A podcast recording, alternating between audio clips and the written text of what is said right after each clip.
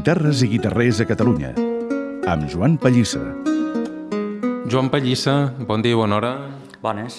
El, les setmanes van passant, els mesos van passant i el Joan cada mes ens ve a parlar de guitarres i guitarrers a Catalunya. Recordo que en l'última secció ens vas parlar dels gremis i com els constructors, els guitarrers i violers catalans estaven inscrits dins el, el gremi dels fusters. Però, clar, després pensava, aquests instruments, molts d'ells porten cordes, oi? Sí, exactament, i sense cordes no sonen.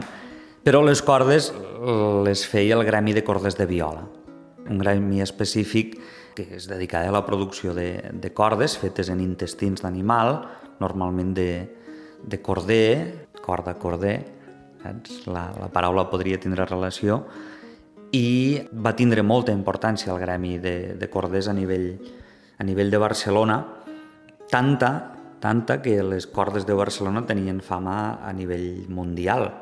S'exportava centenars i centenars i centenars de cordes en barco cap a Amèrica i hasta mos trobem que, que Anglaterra en un tipus de corda en concret se li diu catlines i segons documentació que és conservada se refereix a cordes catalanes. Avui vols parlar de preus, de tarifes, oi? Sí, parlem de pessetes. bueno, lliures i sous en aquell temps. Situem-nos a mitjan segle XVII. Val? La guerra dels segadors és un fet importantíssim a nivell social, a nivell econòmic, a nivell demogràfic, i més si tenim en compte que va seguida d'una pesta de còlera molt important que assola el país. És a dir, tot està damunt davall. Tot està damunt davall i els béns de consum, lo, o, diguéssim, el menjar, la roba, tot, arriba en uns preus descontroladíssims que moltes vegades arriben al punt de, de la usura, o equivalent a la usura, o de que productes com l'opà en alguns llocs arriben a ser uh, materials de luxe. Per a controlar això i per a evitar aquestes injustícies, el govern, la Diputació del General, del, del, estem parlant de Principat només, decideix publicar una tarifa, una llista de preus obligatoris. Esta llista, un llibret, la mar de maco, del qual se'n conserva només un únic exemplar, que està a Girona, se publica el dia de Sant Esteve de 1655 i es diu Tarifa i postura de preus de les coses infrascrites. I ara em diràs que els instruments formen part d'aquests productes de necessitat. Per descomptadíssim. S'especifiquen els preus de, de qualsevol bé de consum i d'ús normal. I clar, carai, les guitarres hi han de sortir. Mm, hi havia una producció i un consum de guitarres molt important. Només guitarres, aquest tipus d'instrument? Sí, només guitarres, és l'únic instrument que hi surt. I surt cordes també, perquè, com hem dit, sense cordes no sona.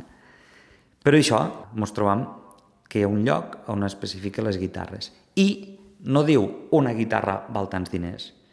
Ens dona cinc tipus de guitarres en una petitíssima, breu descripció i el preu que tenien. Així ens trobam, i ho dic per l'ordre en què estan escrites, ens trobam un guitarró ordinari amb ses clavilles i cordes, que val 5 sous. És un guitarró encordadet i en les clavilles posadetes. És important això de les clavilles i les cordes perquè les clavilles les feia el gremi de torners i les cordes les feia el gremi de corders. Estem parlant de l'instrument ja muntadet. Primer trobo el meu guitarró, 5 sous. Una guitarra ordinària petita de faig, de fusta de faig, en clavilles i cordes, 10 sous. Una guitarra ordinària mitjana de faig, en clavilles i cordes, 12 sous. Una guitarra ordinària gran de faig, en clavilles i cordes, 16 sous. I una guitarra de la forma major de faig, en clavilles i cordes, una lliure. Has parlat d'aquests cinc instruments, aquestes cinc guitarres, de més petit a més gran, no? I de preu també, de més petit a més gran.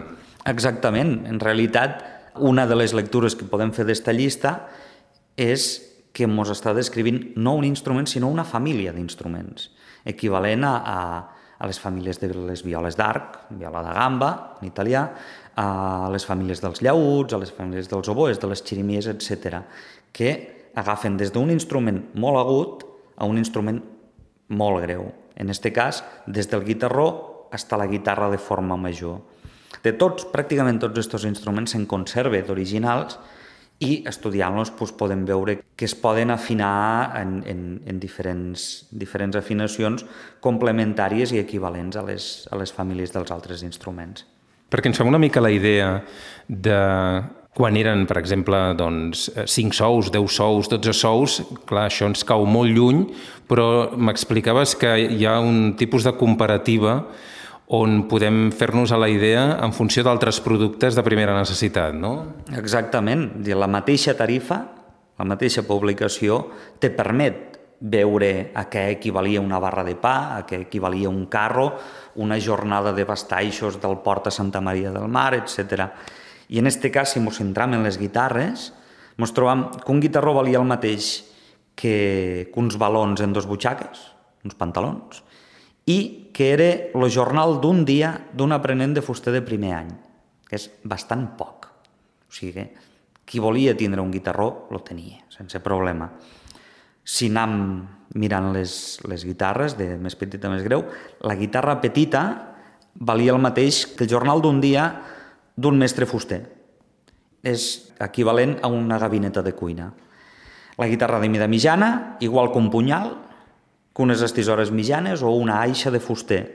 Lo de la gran valia el mateix que unes tisores grans de sastre i la guitarra de la forma major valia el mateix que una lliura de canyella o el jornal d'un jou de matxos.